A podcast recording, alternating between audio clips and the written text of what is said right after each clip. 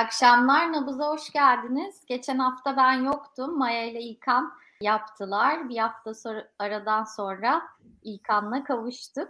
İlkan nasılsın? İyiyim Beril. Sağ ol. Sen nasılsın? İyiyim. Bu aralar nasılsın soruma çok kısa cevap veriyorsun. Ya Beril açıkçası şöyle bir şey var. Şu an Türkiye'de gündem çok yoğun. O yüzden kişisel olanla e, çok vakit ayıramıyoruz nedense. Kendi odağımız siyasal olan kaldı. Bilmiyorum belki de biraz kaçış. Aslında kişisel olanla yüzleşmek gerekiyor. Türkiye gibi ben de üşüyorum. Türkiye gibi ben de soğuklardan çekiniyorum. Ama tabii İzmir'de olduğum için halk kadar halktan biraz kopuğum en azından öyle söyleyebilirim. Kış bitsin istiyorum. Kış bitsin diye bekliyorum. Bunun yanında hakikaten sistem, ekonomi falan beni de sıkıyor. Beni beni de yoruyor. Bir değişiklik bu yazla beraber, baharla beraber hakikaten Mart'ın sonu bahar diyordu Cumhuriyet Halk Partisi daha önceki yerel seçimlerde. Umarım Mart'ın sonu bahardır gerçekten. Şu an şu soğukla beraber daha iyi hissettim. Kampanya sloganıymış ama yani şu mevsime daha çok uyacak bir sloganmış. Onu gördüm. Onu söyleyebilirim. Bunun dışında hakikaten şu an bizi izleyen varsa yayınımızı beğensin, paylaşsın. Onu söyleyeyim yani. Şu an maç var. Galatasaray'ın maçı var. Herkes onu izliyor. Doğru, ee, bugün doğru. muhtemelen tarihi düşük izlenme rekorlarından birini kırabiliriz. Onu görebiliyorum ama ne yapalım biz istikrarlı programcılar olarak inatla sürdürüyoruz bu yayınları. Çünkü Beril sen de biliyorsun bu yayınlar aslında inatla olmadan sürmüyor. Çünkü evet. Türkiye'de hakikaten şartlar zor. Yani belli bir inat olması gerekiyor. Anlık öfkelerle beraber başlıyorsunuz bir şeyler ama sürdüremiyorsunuz. Biz pazartesi günü cidden bir dönüm noktasıydı bizim için. Ben de sonra da fark ettim. Bizim Çavuşesku'nun termometresinin 100. yayını yapmışız. Hmm. Ee, Nabız'ın kaçıncı yayınıydı bilmiyorum. Yani hakikaten bir noktada yani izlenme sayıları şunlar bunlar bir noktaya kadar ulaştık. Bir noktaya kadar istediklerimize ulaşamadık. İnsanlara olan temasımız vesairemiz istediğimiz şeyler oldu olmadı falan. Totalde ama şu vardı. Şunu düşünüyorum. 100 bölümü arka arkaya çekmiş olmamız bunlar hepsinden daha değerli gibi geldi bana şu an. Çünkü evet. biraz inat etmek gerekiyor. Hayatta güzel şeylere ulaşmak kolay değil. Yani güzel şeylere en azından hemen ulaşılmıyor. Onu biraz yaşam bize öğretti. Biraz yaşlandık. E, sen o kadar yaşlanmadın ama ben yaşlandım en azından. Ve burada hakikaten öğreniyorsun. Öğreniyor insan. Yani güzel şeylere hemen çok kolay, çok basitçe ulaşılmıyor. Biraz acı çekerek, biraz sebatla, biraz uzun yoldan ulaşılıyor. Türkiye'de ben Türkiye'nin güzel şeylere ulaşacağına inanan bir insanım. Yani Türkiye adına iyimser bir insanım. Türkiye'yi seven. Türkiye'yi de yani şöyle söyleyeyim dünyada yüksek bir yerde gören bir insanım. Ama bu iş kolay değil. Yani bu iş kolay değil. Bugünlerde biz onu görüyoruz gerçekten. Ama şöyle bir şey var. Zorluklar yanında fırsatları da bir, beraberinde getiriyor diye düşünüyorum. Şöyle söylemek lazım. Türkiye'nin şu şu şu şu şu eksikleri var diyoruz ya biz. Şu şu şu şu şu eksikleri olan Türkiye Beril. Ya aslında şu şu şu eksiklere rağmen bu halde. Ya o eksikleri biz kaldırdıktan sonra çok daha ileride olacak. Yani tüm dünyada o eksikleri olmayan ülkeleri ülkelerle belki bir şekilde yan yanayız şu anda. Yani eğitim sistemimiz kötüyken bu haldeyiz. Eğitim sistemimiz kötü diyoruz. Doğru. Eğitim, yani iyi bir eğitim sistemimiz yok. Eğitim seviyemiz düşük diyoruz ama o düşük eğitim sistemiyle biz bir noktadayız aslında. Bir yandan da o Türkiye'nin önünde ne kadar uzun bir, yani uzun ufuklar olduğunu gösteren, ne kadar esasında ihtimaller olduğunu gösteren. Yani Türkiye olabilecekleri çok fazla olan bir ülke. Olmuşları çok daha az bir ülke. Biraz öyle bakmak lazım. Yani kullanılmayan kaynaklar, harcanan kaynaklar, esasında başarısız geçirilmiş fırsatlar bir yandan da şu var ihtimalleri, olasılıkları gösteriyor diye düşünmek lazım. Yani illa negatife yormamak gerekiyor. Ama bu şu demek değil. İşler kolay, hiç kolay değil. İşler çok zor. Beraber uğraşacağız. Mevsimler hakikaten kış uzun Türkiye'de. Yani kıştan kolay kolay kurtulunmuyor. Yani öyle Türkiye dışarıdan bakıldığı gibi haritada ilk başta gözüken o sıcak Akdeniz ülkesi değil. Burası yüksek platoların, sarp dağların ülkesi, uzun yolların ülkesi, kıraç toprakların ülkesi burası. Burası deprem bölgesi kolay değil. O yüzden de hani şöyle söyleyelim bahar kolay gelmiyor ama geliyor. Uğraşacağız hep beraber. Güzel bir giriş oldu. Teşekkürler İlkan. Ben de aslında lafı fazla uzatmadan hemen bu haftanın Türkiye iç gündeminde en çok konuşulan meselesi bu AK Parti ve MHP oylarıyla, MHP teklifiyle teklifinin, seçim teklifinin meclise gelmesini sormak istiyorum. E, tabii ben de e, ister istemez diğer tüm gazeteciler gibi daha çok Ukrayna'dan olduğunu takip ediyorum. Çünkü nereye evrileceğini merak ediyorum. Fazla iyimser tablolar var ama ben e, oldukça kötümserim gidişatla ilgili. Sıcak çatışma, savaş iyice kızıştı ve henüz hani insani koridor açılması gereken yerlerde insani koridorlar açılamıyor.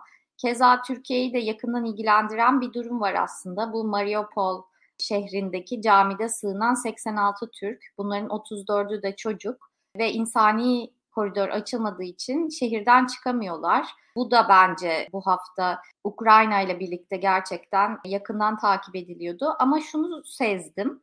Hani böyle bir kişisel yorum yapayım. Bu Suriye savaşına Türkiye'nin çok fazla müdahil olmasından dolayı sanırım Ukrayna'daki savaşta Türkiye'lilerin tepkisinin çok soğukkanlı ve mesafeli olduğunu fark ettim. Camiye sığınan Türkler olmasına rağmen. Çünkü caminin bombalandığı haberi düşmüştü. O sırada ben işte Mariupol belediye başkanı e, danışmanıyla görüştüm. Bir tweet attım.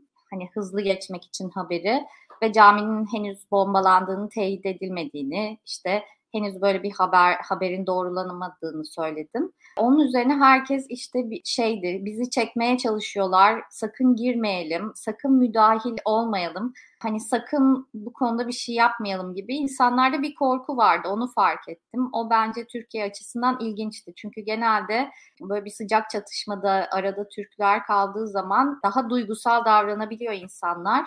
Fark değiştiklerini gözlemledim. Bilmiyorum o konuda sen ne düşünürsün? Biraz onunla meşgulüm yani. İç gündemi çok fazla takip edemedim. Ama edebildiğim kadarıyla hani en sıcak gündem bu seçim teklifiydi.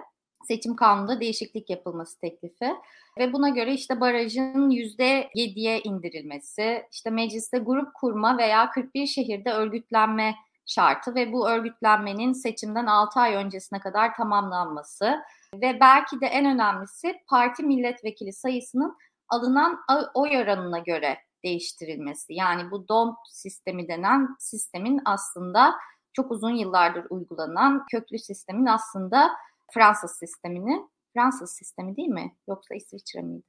Değiştirilmesi ve en çok sorulan soru da aslında bu seçim sistemi MHP'yi güçlendirmek için mi yapılıyor? Seçimlerin bir şekilde mühendisliği mi yapılıyor sorusuydu. Hemen o soruyla başlayayım. Ne diyorsun? Sence bu seçim teklifi kabul edilirse bu MHP'nin mi işine yarayacak? Seçimler için bir mühendislik mi öngörülüyor? Tabii. Şimdi çok basitçe söyleyelim. Çok basitçe söyleyelim. Ya karşımızda çok profesyonel bir iktidar var ve karşımızdaki çok profesyonel iktidar yani tahmin ettiğimden daha profesyonel bir hamle yaptı. Ben iktidarın oyunun kurallarını oynay oyunun kurallarıyla oynayan, oyunun kurallarını bozan, oyunun kurallarını oyunun içerisinde değiştiren bir hareket yapacağını bekliyordum. Bu iktidar daha önce oyunun kurallarını nasıl esnetti daha önce hatırlayalım. Milliyetçi Hareket Partisi kongresine müdahale edildi.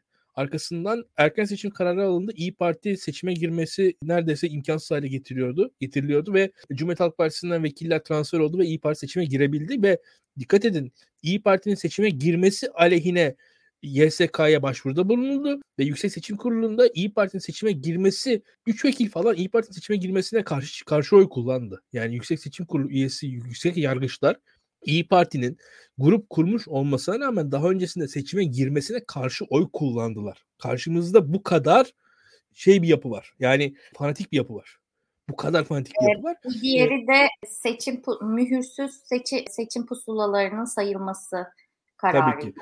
Aynen öyle. Aynen öyle. Mühürsüz pusulalar pusulalar kararı geldi arkasından. Şimdi tek tek bakalım bunların üzerine. Yani oyunun kurallarını esneten ve oyunun kuralını esnetmekte istikrarlı olan bir hükümet var karşımızda. Şimdi Beril ve bunun arkasında bunun en büyük zirvesi neydi? Tabii ki öncelikle şeyler kayyumlar. Arkasından kayyum tehditleri. Yani bakın daha öncesinde Türkiye'de neydi? Önce birileri bir yerlere seçilirdi. O birilerinin bir yerlere seçilmesine esasında sandığın bir kutsal kutsallığı vardı. Biricikliği vardı, dokunulmazlığı vardı. Birileri bir yerlere seçilirdi. Onun arkasından o görevden alınırdı. Daha sonrasında birileri bir yerlere seçilirken görevden alınmaya başlandı. Ve seçim sürecinde aslında YSK neredeyse tuzak kurdu. Yani öyle söyleyeyim. Mazbataların verilmesi sırasında sıkıntılar çıkmaya başladı. Bakın dikkat edin. Burada daha öncesinde şu vardı. Yani YSK ne diyordu? Yani Beredeski seçilme seçilme kriterlerini karşılamıyor diyor. Seçilme hakkı yok deniyordu mesela. Ama şu an YSK'nın vatandaşlara tuzak kurduğu bir noktaya geldik. Şimdi burada bu, bu daha ileri gitti. Tüm HDP'li belediyeler neredeyse görevden alındı. Kayyumlar atandı yerlerine. Biraz daha ileri gitti.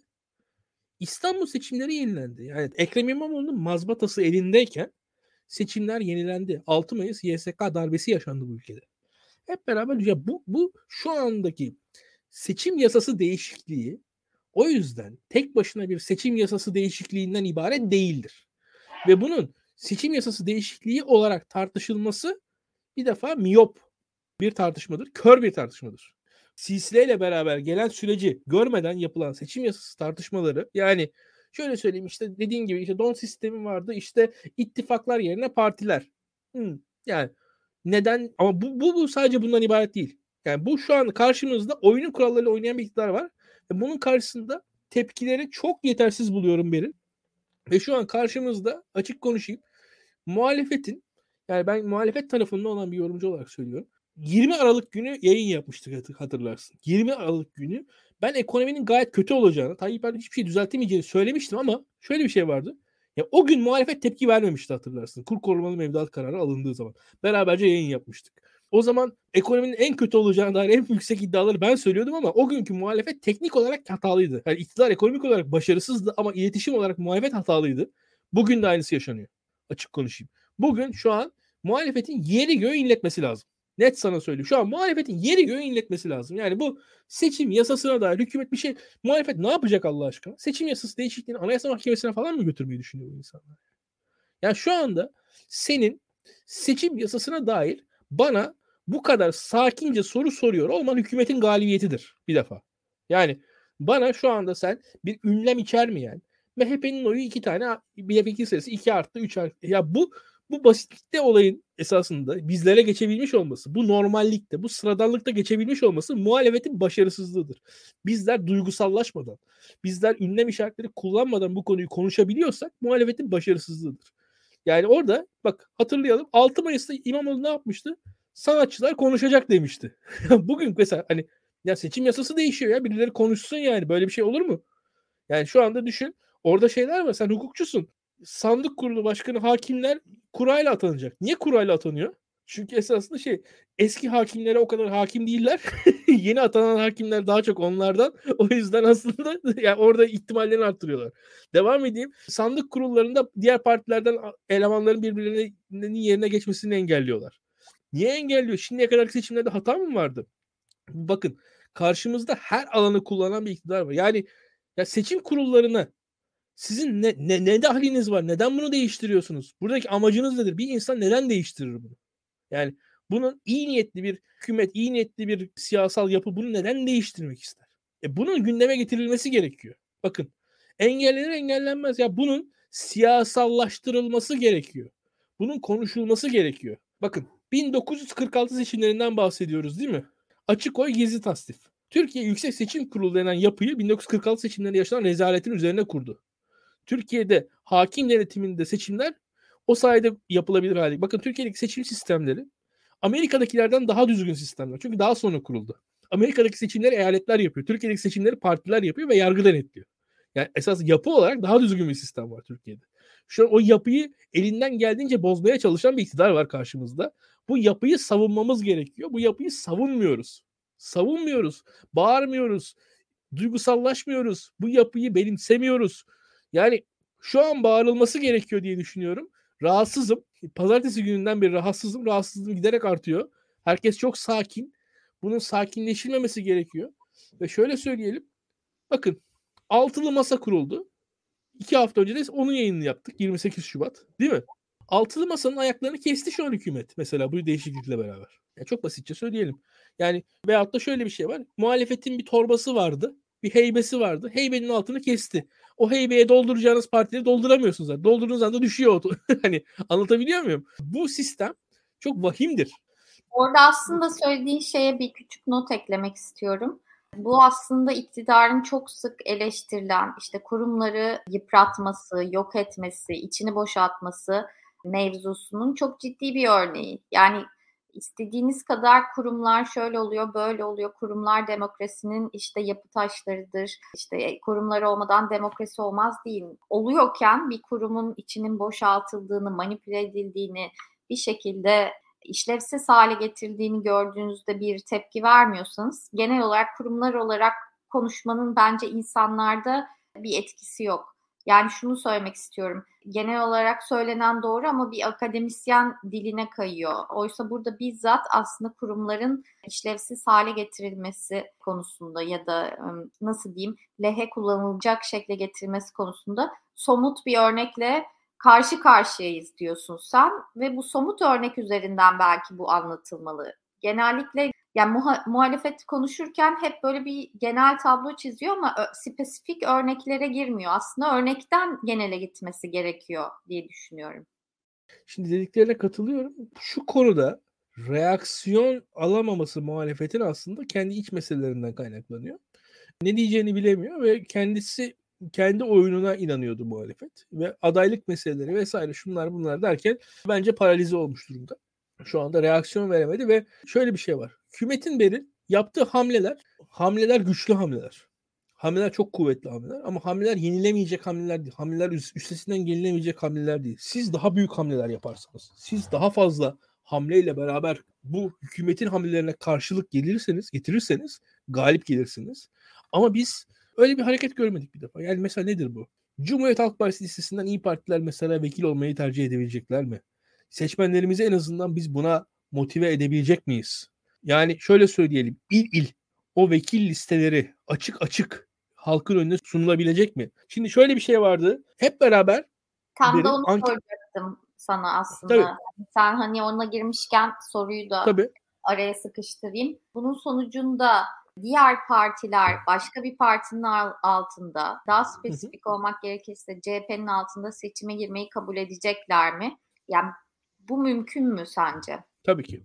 Şimdi basitçe söyleyelim. Şu an birçok saygın araştırmada Tayyip Erdoğan'ın beğenilme oranı %35'lere kadar inmiş durumda. %35'lere kadar inmiş durumda. Ama %35'le seçim nasıl kazanır Tayyip Erdoğan? Sorusunu ben şöyle cevaplamıştım daha öncesinde. Hala aynı şekilde cevaplıyorum. Politik yolda da bunu yazdım. Tayyip Erdoğan %35 ile seçim kazanabilir. %35'i %51 yapacak bir senaryoyu bana çiz dediğin zaman şöyle çizeceğim. Bir, Cumhurbaşkanlığı seçimleri ikinci tura kalmak zorunda. İkinci tura kalmak zorunda. Şimdi nasıl ikinci tura kalır? Muhalefetin bir iki tane adayın daha fazla çıkması lazım. Yani fa- farklı adaylara bölünürse muhalefet ikinci tura kalabilir. Nasıl farklı adaylara bölünecek? Şu an bakın Sarıgül kampanya yapıyor. Ümit Özdağ kampanya yapıyor. Muharrem İnce kampanya yapıyor. Aslında bir anda dört tane muhalefet adayı saydık bile. O altılı masada bir bölünme olduğu anda zaten o dört aday bir anda beş altı adaya falan çıkabilir. Gayet rahat da çıkar. Şimdi bir, bir o tarafı var o işin. O bir kenarda dursun.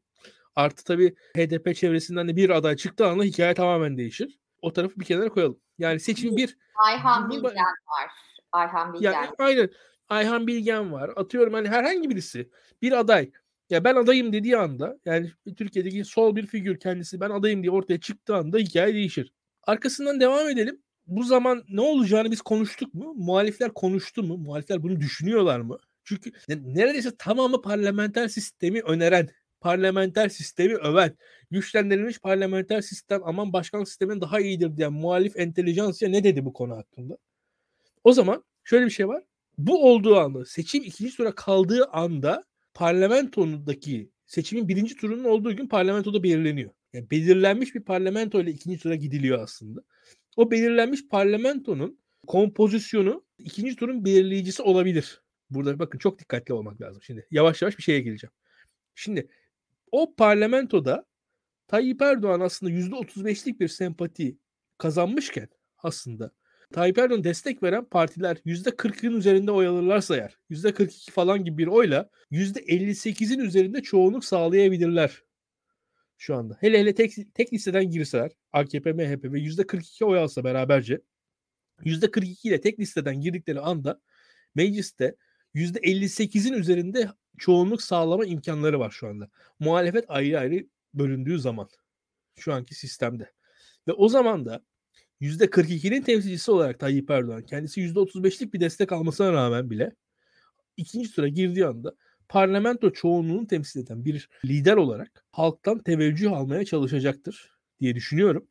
Ve arkasından da parlamento çoğunluğu zaten Tayyip Erdoğan tarafında olduktan sonra da sonrasında seçilecek olan hükümeti de en kısa sürede tekrar erken seçime zorlayacaktır. Kendisi kaybetse dahi ve tekrar da bu o istikrarsızlıktan tekrar başa gelmeye çalışacaktır diye düşünüyorum. Şimdi devam edeyim.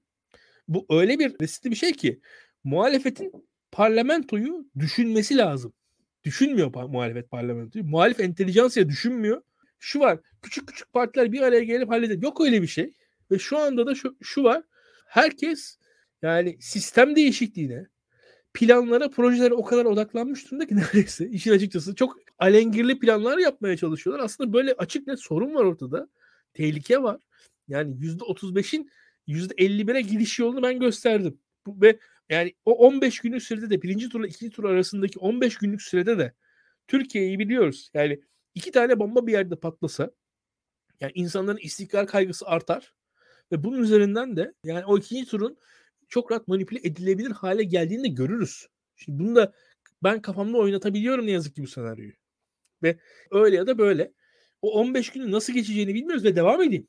Yani muhalefetin zaten Beril şunu biliyoruz ki biz elindeki kaynaklar, elindeki maddi kaynaklar iki tur, iki defa seçim kampanyası yapmaya bile yetmeyebilir. Öyle bir şey var. Şimdi iktidarın elinde zaten sınırsız kaynak var mesela. Çok basitçe söyleyelim. Yani bir de bir işin o tarafı da var.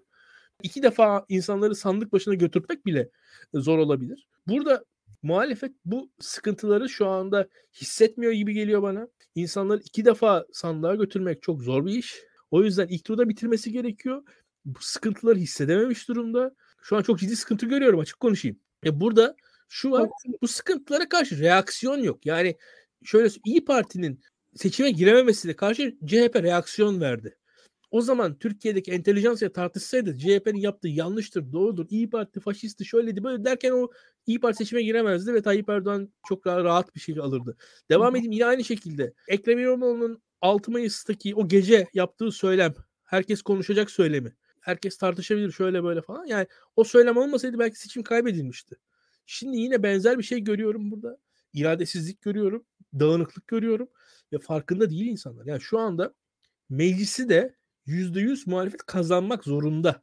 Yani meclisi ciddi şekilde kazanmak zorunda. Hele hele zaten anlayamadığım bir şey var. 360 vekil hedefi olması gereken bir muhalefet. Yani anayasa değişikliğinden bahsediliyor. Yani 360 vekil hedef ve HDP ile İyi Parti'nin olacağı bir mecliste ne noktada olacak bu iş bilemiyorum. Yani hakikaten bilemiyorum. Hiç de kolay değil. O kadar büyük planlardan bahsediliyor. Ortada çözülebilecek daha basit bir şey var. Onu bile çözemezken o büyük işler nasıl yapılacak onu da ben anlamıyorum. Ciddi sıkıntı var burada. Çok daha sert olunması gerekiyor ve karşımızdaki iktidar bakın hakimleri bile değil, hakimlere dair değişiklik yapıyor iktidar. Ya bu normal bir şey değil. Yani hakimlerin yani hakimlerin kurayla belirlenmesi oradaki söyleyin adını seniorajın yani pardon seniority'nin yani rütbenin mi ne diyeyim e, kıdemin kıdem yerine Kur'an'ın geçmesi boşuna bir yapılmış tercih değil. ideolojik bir tercih var karşımızda. Şöyle söyleyelim. Ekrem İmamoğlu'na mazbatayı veren hakim hanım emekliliğini istedi ve ayrıldı yargıdan. Yani böyle şeyleri hatırlıyorum ben. Ya böyle şeyleri insanlar unuttular. Ekrem İmamoğlu'na mazbatayı veren hakim şu an yargıda değil mesela. Kolay değil bazı şeyler. Orada bir insan, o bir hanım hakim vardı. Genelde bu işleri kadınlar daha şey oluyorlar bu konularda. Mazbatayı verdi gitti. Şimdi orada o mazbatayı veremeyecek hakimler var mı Türkiye? Ne yazık var. Yani bunları görmek lazım. Çok sakin yaklaşıyoruz, çok yumuşak yaklaşıyoruz diye düşünüyorum. Acaba diyorum bu sakinliğin bir sebebi de ya da istenilen etkinin yaratılmasının bir sebebi de insanların gerçekten şu an tamamen dünya haberlerine odaklanmış olması mı? Çünkü televizyonları açtığımızda, haberleri okuduğumuzda haberlerin yüzde doksanı Ukrayna ile ilgili ve diğer önemli her şey şu an ikinci planda. Haklısın diyeceğim ama yani Ukrayna ile ilgisizken de ben muhalefetin çok da aklı başında hareketler ettiğini görmüyordum. Bak açık konuşayım Beril. Şu anki seçim değişikliğini çok sofistike, çok cerrahi buluyorum. Açık konuşayım. Yani çok dandum bir hamle yapsaydı iktidar, çok dan, dangıl dungul bir hamle yapsaydı belki tepki gelirdi. Yani şu an tepki gelemeyecek en etkili hamleyi yaptı iktidar. Yani ben ben çok başarılı buldum. Açık konuşayım yani. Hakikaten yani insanlar birçok e, konuya hakim olmayan insanı da sakin ve rahat bir şekilde halleder falan. Yani sofistikeliğini yani, şuradan mı buldun? Yani bunların araştırılıp iyice idrak edilip nasıl yansıyacağının hesaplanıp insanlara anlatılması zor olduğu için mi sofistike buluyorsun bunu? İlk okunduğu anda bir sıkıntı yokmuş gibi hissedebilir birçok kişi Hı-hı. diye düşünüyorum. Hı-hı. Yani fakat şu anda resmen mesela ortada bir altılı masa paradigması vardı. Altılı Hı. masa paradigması neydi? Mesela ben Cumhuriyet Halk Partiliyim. Sen Deva Partilisin. Sen senin Deva Partisi'ne attığın oy Cumhuriyet Halk Partisi'ne, benim Cumhuriyet Halk Partisi'ne attığım oy Deva Partisi'ne yarayabiliyordu. Hı hı. Böyle bir ittifak mekanizması vardı. Şu an bu ittifak mekanizmasını kesti biçti hükümet. Hı hı. Şu anda zaten o ittifakın anlamı kalmadı. O hale getirdi bir defa. Çok basitçe. O ittifak mekanizmasını kesti biçti. Şu anda bambaşka bir hani artık hı hı. senin ittifak olmamızın bile çok anlamı artık o kadar yok. Ancak şu var ittifak içerisinde gir, senin oyun yüzde iki ise üç ise falan seni barajdan kurtarabiliyorum ancak. Hı hı. Onun dışında da ne sen vekil kazanabiliyorsun ne ben bana ne ne, ne de eskiden şu vardı. Eskiden Saadet Partisi aldığı yüzde bir oyla Cumhuriyet Halk Partisi iki vekil kazandırdı. Hı hı. Saadet Partisi oyları olma benim bildiğim en azından. Mesela Saadet Partisi'nin aldığı o bir iki oyla ya yüzde bir iki oyla mesela Cumhuriyet Halk Partisi Urfa'da ve şeyde Yozgat'ta vekil çıkarttı. Yani Cumhuriyet Halk Partisi oyu yüzde yirmi ikiydi. Geçen seçime göre oyu düşmüştü Cumhuriyet Halk Partisi'nin. İyi Parti ve HDP'ye bir oy kayışı olmuştu Beril. Hı hı. Ama Cumhuriyet Halk Partisi'nin vekil sayısı çok azalmamıştı. Bunun sebebi şuydu. Özellikle taşra illerinde ve CHP'nin vekilleri arttı. Vekil sayısı arttı. Büyük şehirlerde CHP'nin vekil sayısı azaldı. Taşra'da arttı geçen seçimde mesela. Bunu engelleyecek bir sistem buldular. Ve çok da net bir şey yani çok basit bir şekilde daha öncesinde şu vardı. Ahmet Davutoğlu için oy verecek Konyalı'nın oyu CHP'ye yarıyordu. Şu an öyle bir şey yok. Konyalı CHP oy verirse ancak vekil çıkartabilir. Yani ancak öyle. Konyalı bir muhalifin CHP oy vermekten başka bir çıkış yolu yok artık. Belki de İyi Parti'ye. Yani şu anda artık bugünden sonra meclis çoğunluğu için Deva Partisi'ne, meclis çoğunluğu için Saadet Partisi'ne, meclis çoğunluğu için Gelecek Partisi'ne verilecek oyun hiçbir anlamı kalmadı. Şu andan itibaren. Devam edelim. Özellikle ittifak oylarıyla beraber Niğde gibi, işte Erzincan gibi yerlerde İyi Parti'nin katkısı, İyi Parti kendisi vekil çıkartamazken CHP'nin çıkartmasına vesile olabiliyordu. Bunları da engellediler. Biraz daha ileri götürelim. Ee, Tabii. Başta anlattıklarınla da bağlantılı olarak. Kocaeli valisi Seddar Yavuz şöyle bir cümle kurdu. PKK'lı HDP'li bir İçişleri Bakanı'na, Milli Eğitim Bakanı'na, Cumhurbaşkanı Yardımcısına ihtiyacımız hı hı. yoktur dedi. Bu evet. cümle çok tartışıldı. Sen de özellikle bu cümlenin altında ciddi bir mesaj olduğunu düşünüyorsun. Ben de onu sormak istiyorum. Bu cümle ne ifade ediyor? Neden yaşananların bir adım ilerisini ifade ediyor? Bize açıklayabilir misin? Ya şunu gösteriyor bir defa. Şu an için bürokraside iktidar şunu şöyle bir denklem kurdu. Bürokratik iktidar en azından şöyle söyleyebilirim size. Bürokraside Türkiye artık yüzde yüz grafik var ya o grafikteki yüzde yüz Türkiye'yi temsil etmiyor artık. Yüzde onu bir kenara koyacaksınız. Yüzde doksanın yüzde kırk altısı Türkiye'yi temsil eder hale gelmiş durumda. HDP'lilerin oyları oy olarak sayılmıyor ve bu daha da ileri götürülüyor. HDP'lilerin desteklediklerinin de oylarını geçersiz hale getirten bir yaklaşım gelmeye başladı orada. Dikkat edin orada. Yani Cumhurbaşkanı'nın HDP'li olmayacağını biliyor zaten Sayın Vali. Ama orada diyor ki bakan da HDP'li olamaz. Şu da HDP'li olamaz. E, o, esasen onların da HDP'li kolay kolay olmayacağını Sayın Vali zaten biliyor. Ama şu, şu şartlar altında henüz. HDP'li olmayacağını zaten e, iyi kötü herkes hissediyor biliyor. Ama oradaki valinin dediği şey şu.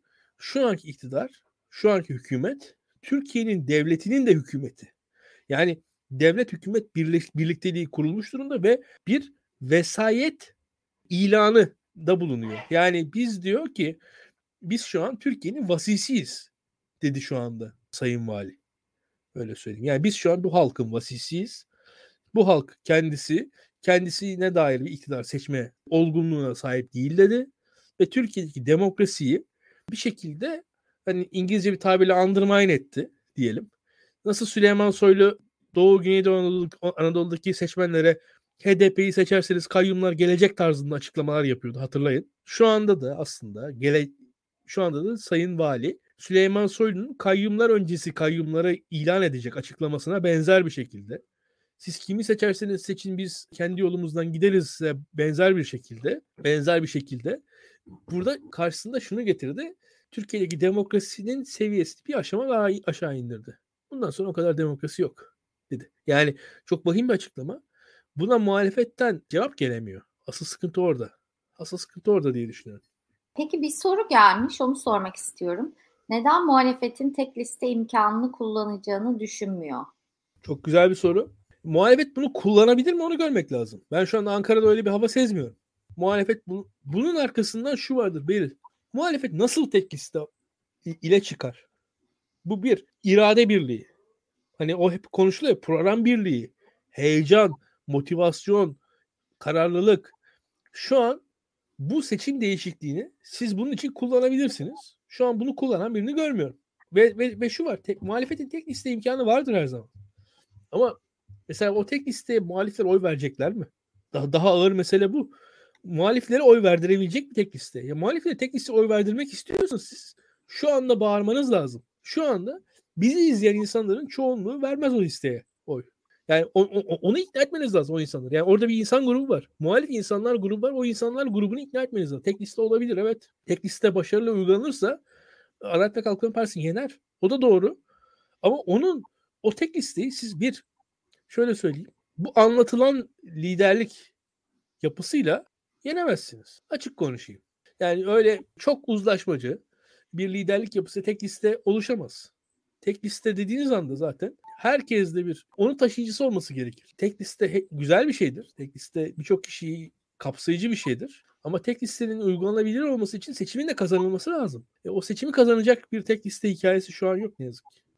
Peki bu liderlik meselesine değinmişken aslında yine Ukrayna'daki savaşa bağlamak istiyorum. Çünkü Zelenski ile birlikte aslında yeni güçlü liderlik paradigması yine dünyada hani ön plana çıktı. Aslında onun insanları nasıl bir araya getirdiğine getirdiği anlaşıldı. Güçlü bir lidere ihtiyaç olunduğu anlaşıldı. Bunu da tabii ki Türkiye'ye yansımaları olacaktır. Onun üzerine sormak istiyorum. Yani Erdoğan'a karşı muhalefette bir güçlü profil liderine mi yönelmeli? Bu konuda yeni bir strateji mi belirlemeli? Bu seçim yasasında hmm. değişiklik teklifiyle birlikte yeni bir strateji mi oluşturulmalı? Şimdi üçüncüsü seçim yasasında değişiklikle birlikte yeni bir strateji oluşturulmalı. Net bir şekilde sana söylüyorum. Çünkü artık partilerin kendi kimlikleriyle var oldukları bir ittifak modeli yok bugünden sonra. Çünkü Adalet ve Kalkınma Partisi ile Milliyetçi Hareket Partisi ittifakının zaten varlık bulduğu yer devlet. Şimdi bizde muhalefette daha doğrusu partiler kendileri devlette olmadıkları için ancak ittifak içerisinde yer alabilir biliyorlar. Şu anda ittifak ittifak da anlamsız hale geldi. O yüzden çok zor, çok zor buradaki kurtuluş. Liderlik bağlamında da şunu söyleyebilirim sana. Şimdi Zelenski'yi ben güçlü liderlik kapsamında değerlendirmiyorum. O konuda aslında Erdoğan'la daha ziyade Putin'i özdeşleştiriyorum. Ve burada Erdoğan ve Putin özdeşleşmesinin de bir noktada aslında bir sona gel geleceğini düşünüyorum ama şu, şu demek değil bu. Güçlü liderlik de bitmeyecek. Orada farklı şeyler var. Şimdi birkaç şey söyleyeceğim. Birincisi dünya çok karmaşık hale gelmiş durumda. Dünyadaki sistemler birbirleri tarafından paralize edilmiş durumda. Bu, bu sistemlerin paralize edilmesi, felç olmasını aşacak olan bir belli bir liderlik anlayışına ihtiyaç var. Dünyadaki büyük krizler o yüzden liderlere ihtiyaç duyuruyor. Yani bu şöyle bir şey var. Şu an mesela Ukrayna'da savaş olduğu zaman aslında siz 28 kişi tarafından karar alamıyorsunuz. Avrupa Birliği karar alamıyor mesela lideri yok. Devam edelim. İşte İngiltere karar alabiliyor. Bir lideri var. Amerika karar alabiliyor. Öyle ya da böyle. Lideri var.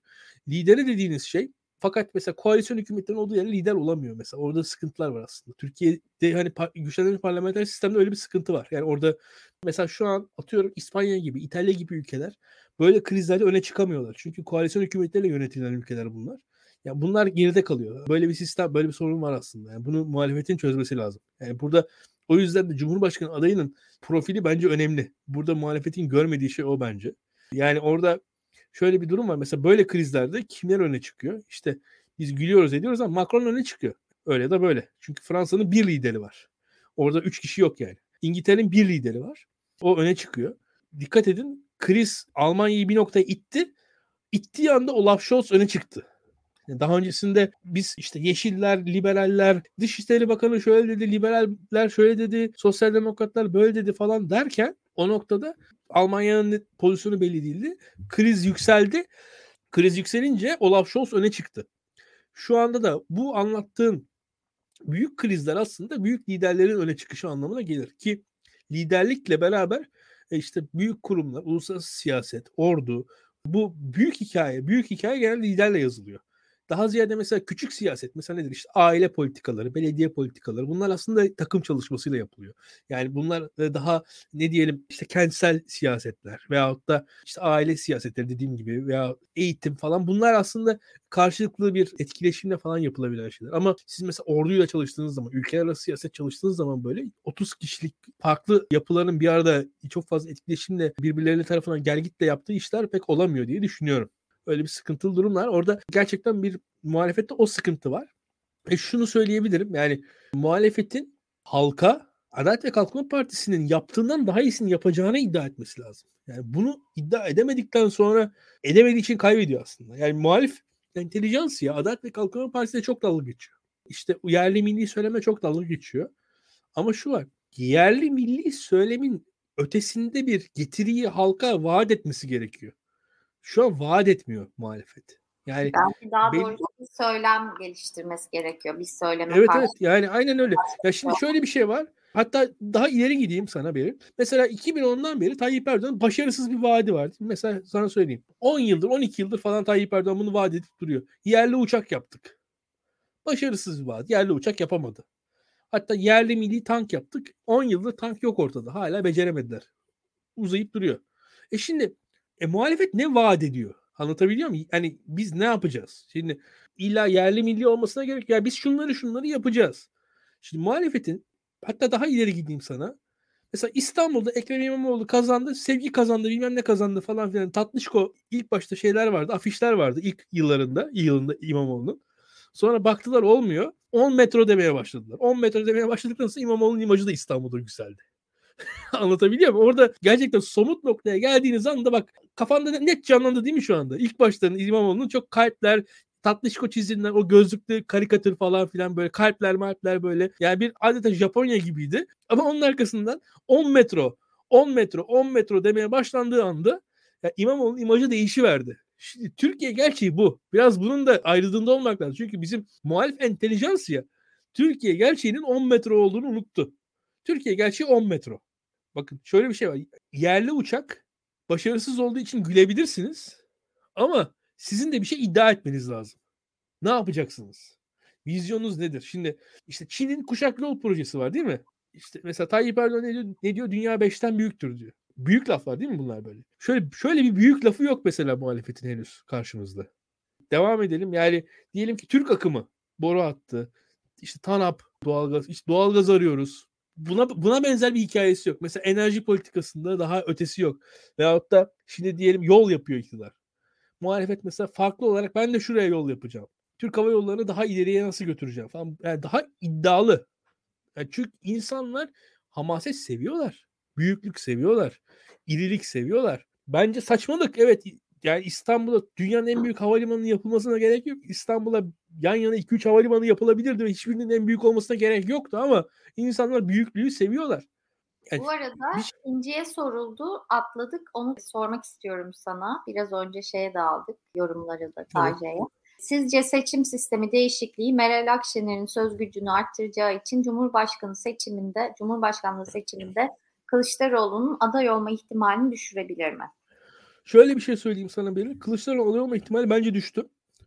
Şundan dolayı şöyle bir şey var. Mecliste bu değişiklikle beraber ilk aşamada iktidarın elde edeceği çoğunluk büyüdü. Ve bu da şu var Kılıçdaroğlu küçük bir marjla seçimi kazanma ihtimali azaldı. Yani küçük marjla seçimi kaybedebilir Kılıçdaroğlu. Gördüğüm kadarıyla şu an muhalefetin birleştirici bir adaydansa şu an bence daha güçlü bir adaya ihtiyacı var bu değişiklikle beraber. Ya benim gördüğüm budur. Bu değişiklikle beraber muhalefeti iktidar birleştirici, köşesiz bir adaydansa köşeli bir adaya yani birazcık daha seçmeni motive eden, seçmeni sandığa götürten bir adaya ihtiyacı olduğunu düşündürüyor. Ve şöyle söyleyeyim, iktidarın yanlışlarını yapmayacağız. Dan ibaret olmayacak. Yani Adalet ve Kalkınma Partisi olmamak olmamanın yeterli olacağı bir seçim olmayacak karşımızda. Yani ben Tayyip Erdoğan değilim diye oy alamayacaksınız. Tayyip er, ben Tayyip Erdoğan değilim diye bayağı bir oy alacaksınız. O doğru. Çünkü çok kötü yönetiyor iktidar şu an Türkiye'yi. Ama seçim kazandırmaya bu oy yetmeyecek diye düşünüyorum. Peki son olarak hep muhalefetten konuştuk ama bir de şu var. Bu yükselen güçlü profil lideriyle birlikte ki sen Zelenski'den ziyade Türkiye'deki Erdoğan'ın liderliğini biraz Putin'e benzettin. Aslında şöyle bir şey var. İnsanlarda özellikle Avrupa'da hani Ukrayna'dan sonra bir işgal edilme korkusu, savaşa çekilme korkusu ve savaşla bir daha doğrusu savaş içinde kalan sivillerle bir empati duygusu gelişti gerçekten. Daha önce daha başka ülkelerdeki savaşlarla benzeri olmayan bir empati gösteriyorlar Avrupa'da. Bunu konuşmuştuk hani ırkçılık bağlamında da konuştuk, medyanın şeyi bağlamında da konuştuk. Yükselen profille ilgili Erdoğan'ın da aslında bir anlamda uluslararası alanda manevra şeyinin alanının arttığı bir şekilde kendisini hani batıya yakınlaştırarak da işte bazı kazançlar elde edebileceği, daha ön plana çıkabileceğini konuşmuştuk. Bu manevra alanı giderek artıyor. Geçenlerde işte Türkiye'de Antalya'da bir toplantı yapıldı. Rus ve işte Ukrayna Dışişleri Bakanları geldi. Türkiye bir hani ara buluculuk rolüne soyunmaya çalışıyor belli ki. Hani Rus tar- Rusya tarafından kabul edilmese de bu role sürekli olarak gönüllü olmaya devam ediyor. Bu Erdoğan açısından ne ifade ediyor? Yani muhalefet açısından konuştuk ama bizzat Erdoğan açısından ne ifade ediyor? Biraz onu da değerlendirmeni rica edeceğim. Erdoğan bir noktada çok sıkıştı. Çok fazla yükü var ve çok fazla yükünü taşımak zorunda. 20 yılın iktidarının her türlü karanlık yükünü e, üzerine taşıyor Erdoğan. Bu yükle beraber hareket etmesi de kolay değil. Bu tarz krizler Türkiye'nin gücüyle beraber, Türkiye'nin önemiyle beraber, Türkiye'nin hani ben hep diyorum Türkiye'nin arsa değeri arttı. Böyle bir kriz olduğu anda Türkiye'nin arsa değeri artıyor. Yani çünkü şöyle bir şey var. Dünyanın odaklandığı bir yer burası. Burada boğazlar sizin. Ukrayna ve Rusya yani Ukrayna ve Rusya'ya yakın en büyük ülke Türkiye. Türkiye daha değerli bir ülke artık şu anda. E bu değeri de Erdoğan kullanıyor. Bu değer Erdoğan'a ara alan açıyor. Erdoğan bu alanı kullanacaktır. Bu alanı Erdoğan ne kadar Türkiye için, ne kadar kendi için, ne kadar iktidarı için kullanacak tam emin değilim. Gördüğüm kadarıyla bir dengeli gidiyor şu anda. Hala ama Batı ile olan ilişkilerinde yani bir Erdoğan'ın daima bir paradigma sorunu olacaktır. Şu an için Batı ile olan ilişkilerini halledebilecek noktada. Yani Erdoğan dikkat et Beril.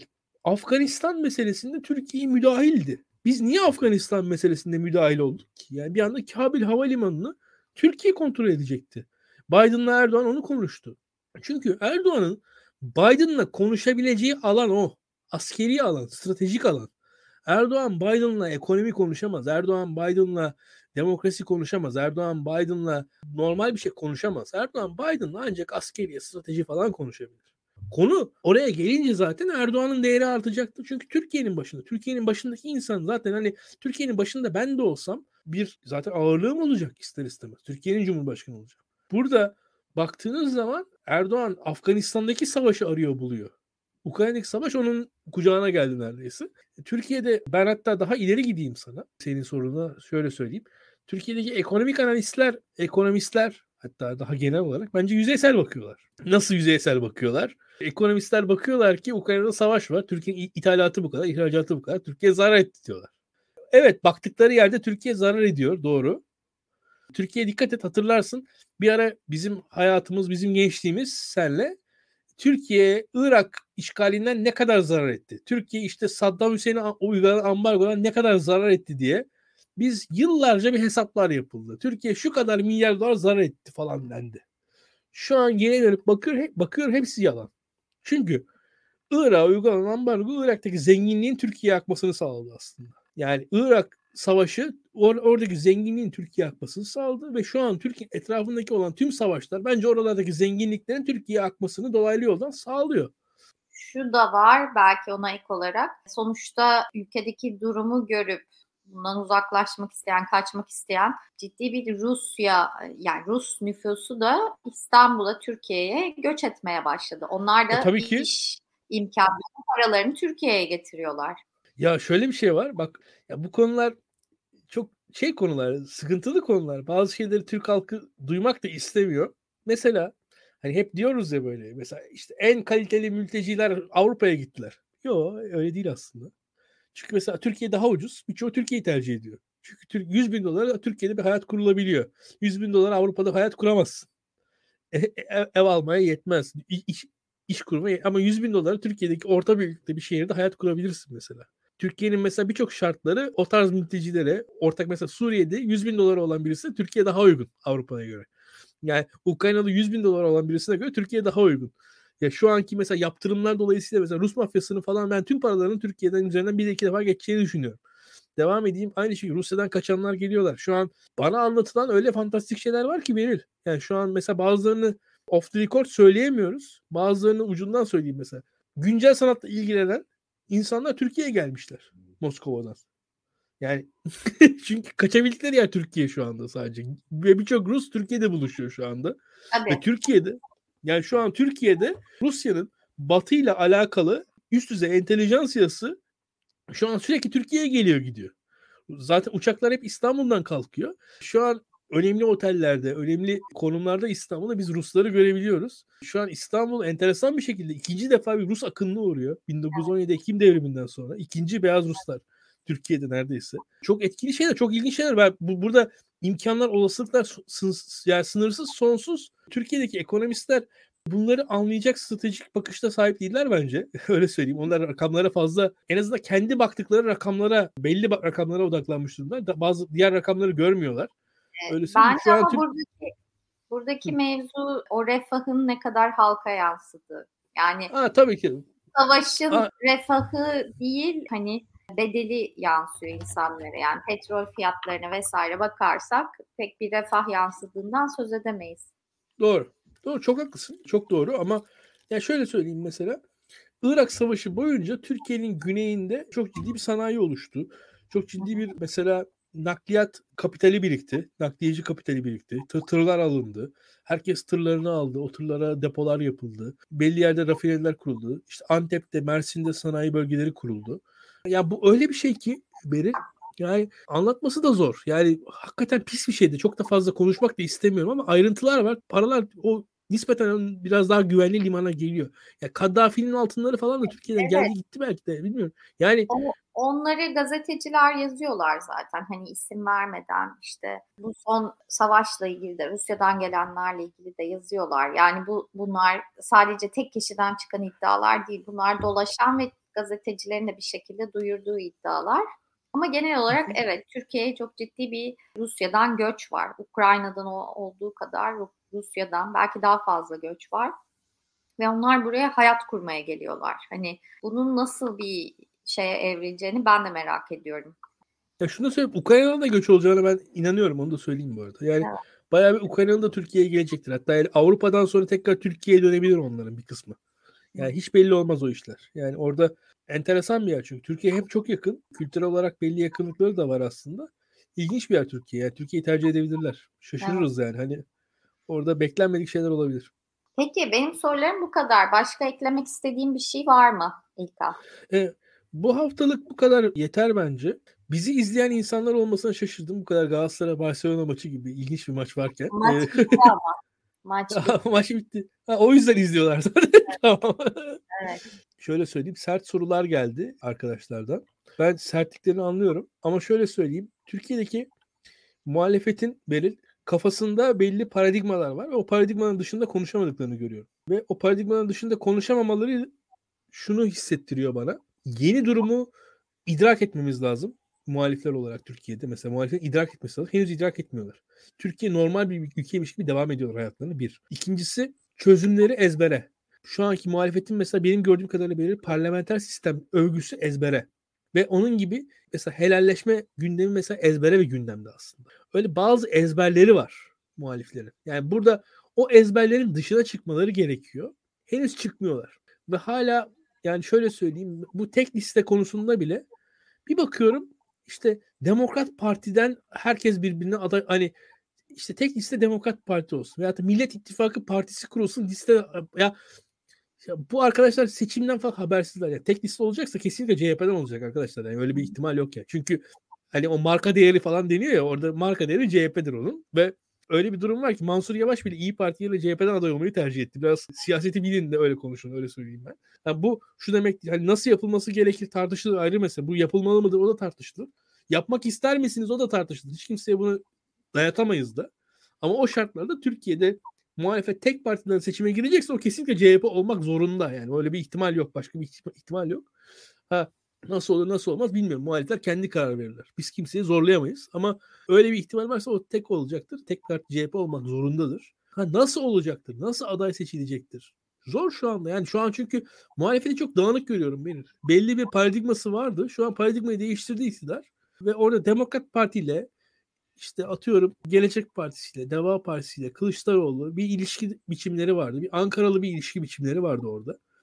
O Ankaralı ilişki biçimi içerisinde belli bir uzlaşmaya öyle ya da böyle varılıyordu ama o uzlaşma çözmüyor şu anda durumu. Yani onu görmek lazım. Buradan çıkış gerekiyor. Ve şartların farkında olunması gerekiyor diye düşünüyorum ve muhalifler farkında mı bilmiyorum ama bu seçimi iktidar kazanırsa bir daha söylüyorum bu seçimi iktidar kazanırsa, bu seçimi Tayyip Erdoğan kazanırsa bir sonraki seçimde, bir sonraki seçimde ben İyi Parti'nin de Gelecek Partisi'nin Deva Partisi'nin de var olacağını zannetmiyorum. O altılı masadan bir sonraki seçime iki ya da üç parti kalır. CHP Saadet dışında anca Demokrat Parti falan kalabilir. O da yani Gültekin Bey'in inadı yüzünden. Yani o diğer partinin ayakta bile kalmalarını zor görüyorum. Son sözlerin demiştim ama bir şey daha sormak istiyorum. Tabii ki. Rusların göçünü konuştuk, Ukraynalıların göçünü konuştuk. Zaten Türkiye dünyanın en fazla mülteci ağırlayan ülkesi. Bu Erdoğan'ın son açıklamasını da bir sormak istiyorum. Çünkü muhalefet seçimi kazanırsak Suriyelileri göndeririz, göndeririz diyor. Biz göndermeyeceğiz dedi. Buna ne diyorsun? Çünkü bu oy kaybettirebilecek bir açıklama. Yani bu oy kaybettirseydi Erdoğan'ı şimdiye kadar kaybettirirdi. 10 yıldır Suriyeli mülteciler burada. Erdoğan kendi seçmeni ile e, garip bir ilişkiye sahip. Ben çok çözemiyorum onu. Ama, bu açı... ama seçmende bir geri gönderecekler, gidecekler beklentisi yok mu? Yani var. Zaten Süleyman Soylu arada işte şöyle Suriye operasyon yapıyoruz, böyle Suriyelileri gönderiyoruz falan dedi.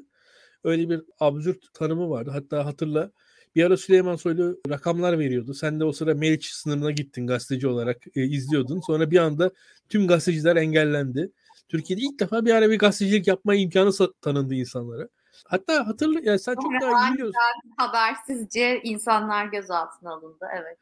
Evet evet çok korkunç bir şey yani ve ya şu anda benden çok daha iyi biliyorsun. Türkiye'de 10 yıldır mülteci kampları var değil mi? Bu kamplara kimsenin gire, girebildiği yok. Ne yapılıyor oralarda? Şöyle bir şey var ama mültecilerin yüzde 90'ı kamp dışında yaşıyor. Yani biliyorum biliyorum ama küçük sayılarda insanı ağırlıyor ama evet başlarda giriş vardı, kamplara giriş vardı, çekim yapılıyordu vesaire. Ama çok uzun süredir giriş yok kamplara. Yani çok uzun süredir giriş yok. Vekiller giremedi.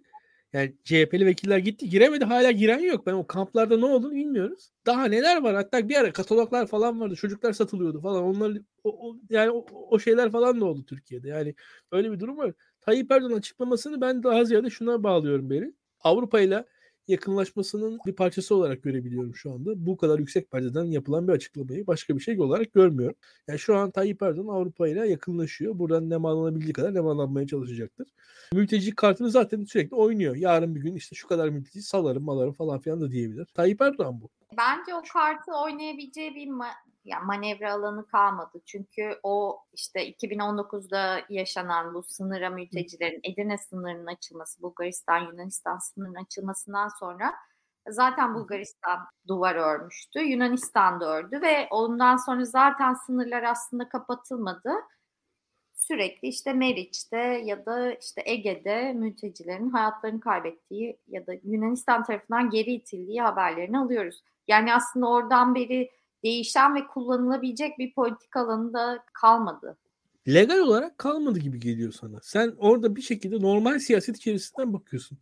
Karşımızda yarın bir gün Avrupa'yı da tanımıyorum diyebilir. Yani her şeyi yapabilir iktidar. Tanımasa da Avrupa önlemlerini aldı onu söylemeye çalışıyorum. Yani ha, ha, yani, sonra zaten, e zaten imkanı kalmadı. Onu söylemeye şimdi, çalışıyorum. Şöyle bir şey var. Ben de şunu söylüyorum sana. Şimdi şu anki Türkiye'den mültecileri yollayacağız açıklaması zaten bugünkü mültecilerden çok gelecek mültecileri etkileyecek bir açıklama diye düşünüyorum.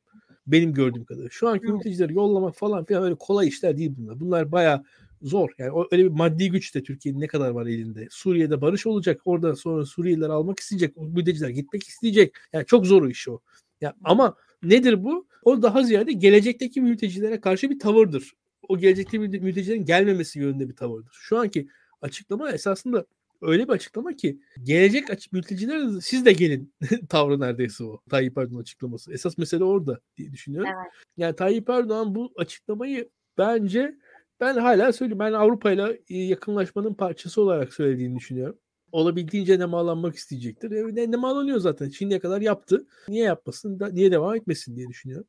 E, ki burada muhalefeti e, Batı'nın karşısında daha olumsuz bir noktada göstermekten de rahatsız değil diye düşünüyorum. Yani alternatif oluşturamıyor bir şekilde onun için onun gözünde muhalefet. Onun sayesinde bir şekilde böyle açıklamalarla Batı'dan uzaklaştırıyor diye düşünüyorum.